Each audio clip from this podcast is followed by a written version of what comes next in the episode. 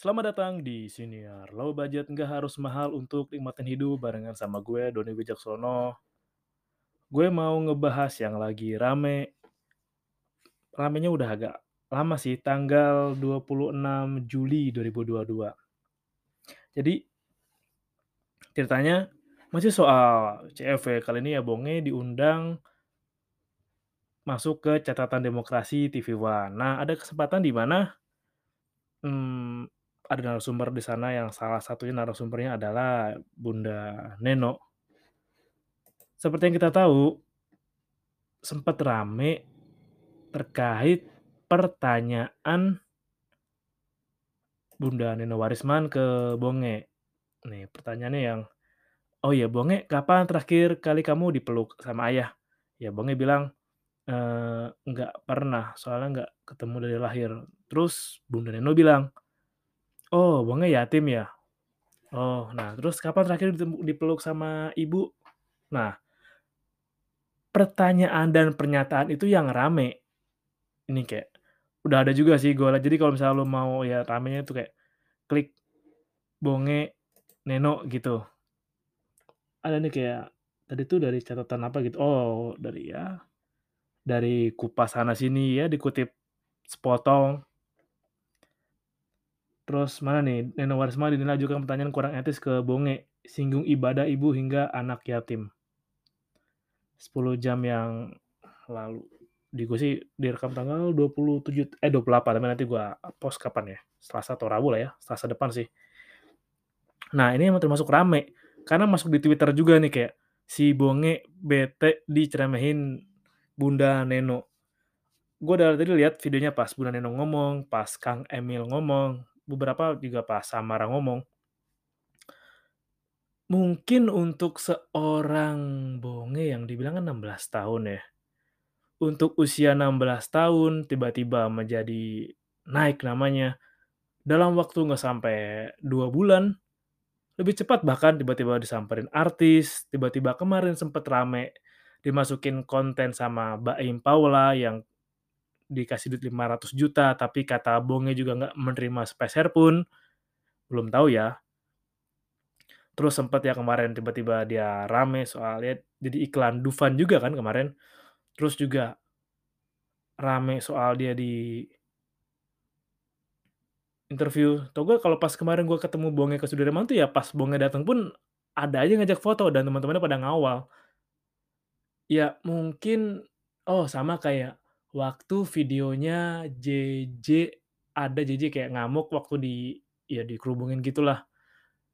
Dan kalau emang kenapa gue bahas soal ini beberapa kali, soal Citaim Fashion Week, karena emang ya gue ngerasain gue udah pernah seumuran segitu kan, ya masa-masanya pengen jalan-jalan, pengen nongkrong. Seumuran segitu ya lu nggak ada beban pikiran, lu belum kepikiran ada ya, ada yang belum kepikiran kayak, "Ya udah bebas aja," kayak yang penting nongkrong dulu deh ya, masalah makan pikirin besok, masalah eee, misalkan adek lu mau minta jajan atau bayar sekolah, udah pikirin besok aja deh, yang penting gue nongkrong dulu, gue main dulu, gue ada tempat buat santai nih. Soalnya deket rumah gue mah nggak asik tempatnya, nggak ada tempat nongkrong, ya udahlah kita nongkrong aja yang naik kereta murah, ada yang naik ke Sudirman, mungkin juga dulu tadinya ke kota kali ya. Ya udah nongkrong gitu, terus tiba-tiba karena banyak temen lu nongkrong, banyak teman seangkatan lu nongkrong, lu rame-rame tiba-tiba jadi rame, kan jadi kayak syok ya, sama kayak peristiwa dulu kayak Ade Londo yang sempet naik cepet banget kan, tiba-tiba dia ngilang, dan sempet beberapa kali juga sih gue liat dia bikin atau jadi model iklan. Atau juga dengan ya pengamen yang viral tuh yang pengamen boneka yang cantik gitu, yang diundang ke YouTube juga, kayaknya dia masuk ke TV juga deh.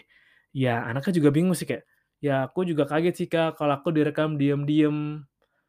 Ya kebiasaan ngerekam diem-diem ini masih jadi kebiasaan, ya ini salah dan melanggar privasi, tapi buat ada orang yang anggap ini ya biasa aja, yang mungkin belum tahu atau nggak mau tahu atau yang, ya yang penting gua si paling eksis lah atau si paling duluan lah update di sosial media.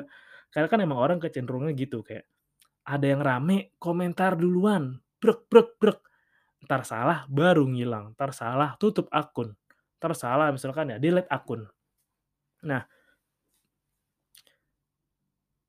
ketergesaan itu yang membuat bahaya, tapi untuk yang sekarang yang Bunda Neno, gue udah nonton tadi yang 16 menit sih, yang bilang teriakan anak bangsa.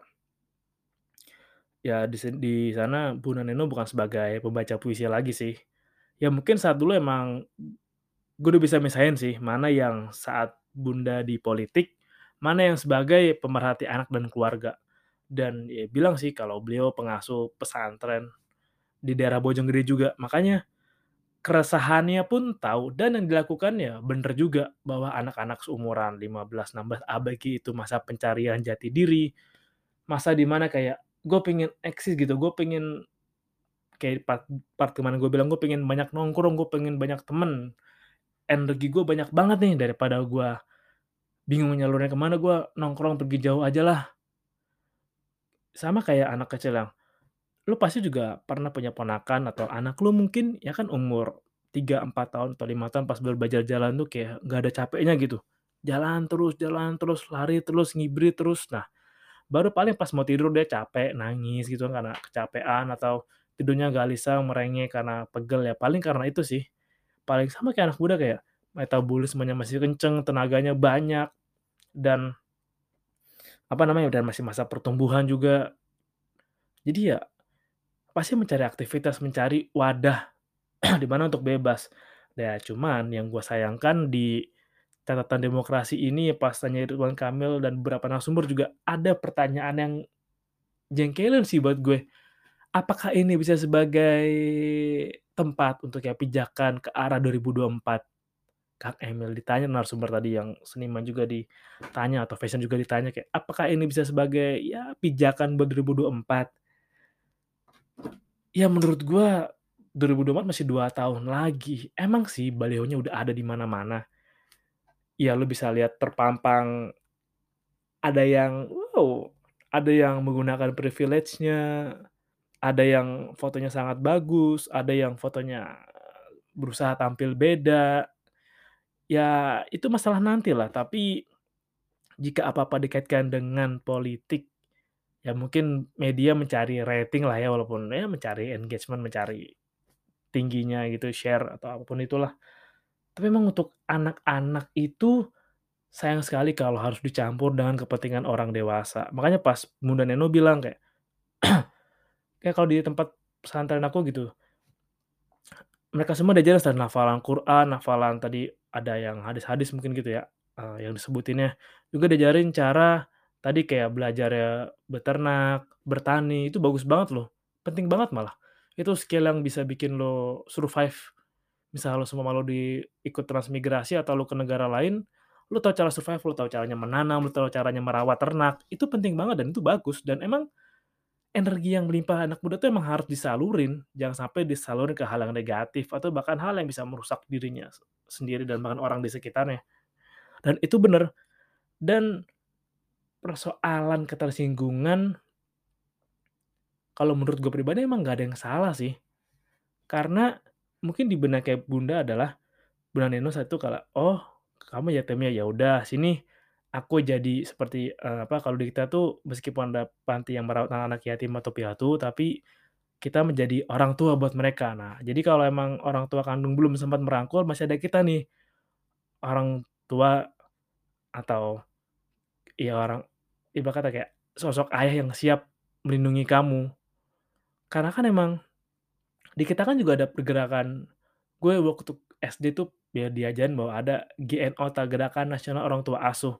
Itu menurut gue gerakan yang bagus, gue bilang gue bilang lagi bahwa ini gerakan yang bagus, di mana ya, setiap dari kita ngebantu anak-anak yang emang kekurangan untuk bisa mendapat pendidikan dan kehidupan yang lain dan lebih baik, itu bagus banget. Dan makanya kalau emang lu punya sedikit rezeki berlebih sempetin aja sedikit berbagi buat anak-anak di sana. Karena yang sama kayak waktu episode pertama gue bilang, kalau buat gue sih gue merasa bahwa ada ada setiap anak-anak yang gue temuin di jalan yang lagi ngamen, lagi mulung dan lain-lainnya, itu gue merasa emang ada ke kewajiban dari gue untuk turut andil dalam memperbaiki kehidupan dan masa depan mereka. Salah satu caranya adalah ya berpartisipasi dengan itu tadi, berbagi aja ke mereka dan itu memang bagus banget dan Bisa jadi orang-orang yang seini sama Bu Neno, orang-orang yang masih kesal karena waktu itu Bu Neno sempat ya rame di YouTube kan yang katanya pembaca puisi yang berkata anak yatim, ya gini loh, ada orang yang sudah bisa menerima keadaannya dan sudah bisa berdamai dengan keadaannya. Ya kita nggak tahu ya saat itu emang apa yang ada di pikiran Bonge, tapi kalau dari pengamatan gue, dari bahasa tubuhnya pun dia juga bingung nih, untuk 16 tahun diajak ngobrol sama mereka tuh ya apa, pasti kayak stresnya, tekanannya, bingungnya, dinginnya di sana kan dingin pasti di ruangan TV itu kan. Terus mesti ngejawabin dan harus berani natap dan malu-malu juga dan bisa jadi kayak nggak tahu deh, bisa jadi ada ketakutan bahwa apa yang mau dijawab itu enggak sesuai apa yang diekspektasiin oleh penanya. Sama kayak peristiwa kayak pengamen cantik yang tiba-tiba viral atau ada londok yang tiba-tiba naik ke atas, kalau nggak di-briefing atau nggak di area sebelumnya bisa jadi jawabannya ngalor ngidul, nggak nggak karuan kan. Ya anak 16 tahun dan masa masih panjang, orang dewasa, kita malah terlalu sibuk mencari eksistensi. Makanya kemarin yang disayangkan adalah ya orang-orang yang ke sana itu jalan kaki itu dari naik kereta, eh lu ramein malah yang bawa mobil, bawa motor rame-rame, tambah macet lah. Kalau mau ke sana lu jalan kaki, taruh motor lu jauh-jauh. Pas gua ke sana juga gua taruh motor belum begitu rame sih, gua dari jarak motor agak jauh. Emang ada parkiran di sana dan, sampai malam juga rame. Tapi kalau lu ke sana orang yang kebanyakan motoran banget, mobilan banget, ya nggak muat lah, di mana lah, bikin macet. Masa dibubarin. Dan Bu Neno bener. Anak-anak yang seumuran muda segitu emang harus dilindungin, karena emang rentan banget tercemar dengan hal-hal yang negatif. Bisa jadi bahwa mereka nanti entar, "Udahlah nih, lu mau duit cepet nggak nih? Nih, kirimin barang deh, lu kasih ke ini ya, nih gua upahin. Lu mau duit nggak? Rp200.000 nih kirimin nih, garam." Kita nggak tahu, atau bisa jadi kayak anak-anak itu kan pas gua kemarin ke sana aja, anak-anak yang bener-bener kecil banget, ada kali yang gua bilang anak-anak yang kalau masuk all you can eat masih dapat diskon 50%, itu ada, masih segitu kan. Kalau diiming-iming kayak, "Kamu mau HP itu nggak? HP papa nggak?" Gitu. Atau, "Kamu mau HP Vovi nggak?" "Temenin om yuk," gitu, atau, "Temenin kakak yuk," gitu kan. Terbuka banget peluang itu, apalagi di sana kemarin pas masih gelap. Terbuka banget, makanya emang mereka perlu dilindungi, dijaga, dan diarahkan. Tapi memang setelah kemarin kejadiannya ada baim masuk, itu juga membuat suasana menjadi riuh, udah nggak teratur acak-acakan. Jadi kayak ibarat kata tadinya anak-anak Citayam ya, Bojonggede itu masuk ke Blue Ocean, masih lega di sana, masih bebas, tiba-tiba banyak kompetitor masuk, banyak kepentingan masuk, banyak orang pengen eksis tiba-tiba masuk, banyak pencari cuan dadakan masuk, banyak pencari FYP masuk, banyak drama planner masuk, akhirnya jadi red ocean dan ujungnya ya mereka tergeser. Dan katanya mereka mau digeser ke Peak. Ke Peak berarti kalau naik kereta itu gua dulu turun di Rawabuaya dari Peak masih jauh. Naik kereta lewat mana ya? Itu bakal jauh banget men, dan di Peak kayaknya jajanannya lebih mahal daripada Sudirman deh. Pasti ada abang Starling, tapi kan jajanannya lebih mahal. Ya nggak tahu juga sih, dan pulang juga bakal lebih repot. Pun kalau misalkan masih dari Sudirman ya searah, keretanya masih kejangkau deh, ke Sudirman langsung ada ya entah transit, ada juga kereta langsung kan masih kejangkau, kalau ke Peak lebih panjang dan lama lagi di jalan dong, bisa 2 jam lebih kali di jalan. Buang waktu kebuang. Dan sangat disayangkan sih, untuk soal komentar banyak Bunda Nen eh, komentar Bunda Neno banyak yang kepanasan karena beberapa masih mengira beliau adalah sosok yang sama ketika berbicara beber beberapa waktu lalu. Kan emang ada orangnya ya, ini gue pisahin deh, ada orang yang emang ketika diminta untuk bergabung ini maka menjadi seperti ini, ketika hasilnya memang begini, ya begini. Emang ada gitu, jadi ya mungkin masih menyampurkan satu sama lain dan ya namanya juga politik, lo harus bisa lebih objektif harusnya sih. Dan Untuk CFW ya, bener kata Kang Emil, disayangkan banget, banyak banget kepentingan di sana, banyak banget orang yang ingin masuk di sana, banyak yang, ya tiba-tiba ingin menjual namanya, bahkan sampai mau daftarin nama itu artinya ya, kalau emang lu berpikir secara negatif, mau daftar nama Citayam itu artinya lu mau mengkapitalisasi. Mengambil itu sebenarnya juga anak-anak sana gue yakin kayak Kurma DKK juga sana juga pengen cari tempat nongkrong, tempat chill doang, pengen ngeliat orang yang ngopi di kafe. Ya kalau gua sebagai orang kota satelit kayak dulu gue kayak gua nongkrong di alun-alun atau nongkrong di dulu biasa nongkrong di sana alun-alun Bekasi beberapa kali gitu nongkrong, nongkrong di tempat temen gua sih, yang deket lapangan terbuka juga.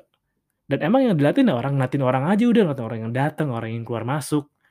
Nggak tahu kenapa emang seru aja gitu. Sambil nongkrong kadang juga karena emang ya gue dulu sempet ngerasain bangku kuliah, jadi kalau nongkrong di kampus bisa sampai malam, sampai sore menjelang malam lah.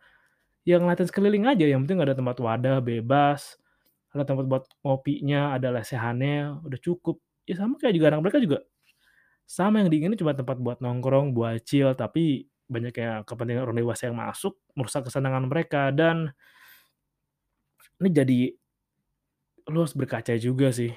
Bukan buat lu ya, tapi orang yang ma ya yang apa ya, mencari cuan atau mencari FYP dari sanalah. Emang hidup lu buat cuan doang gitu paling paling kebelet eksis kayak sampai lu ngerusak kesenangan anak-anak sana gitu.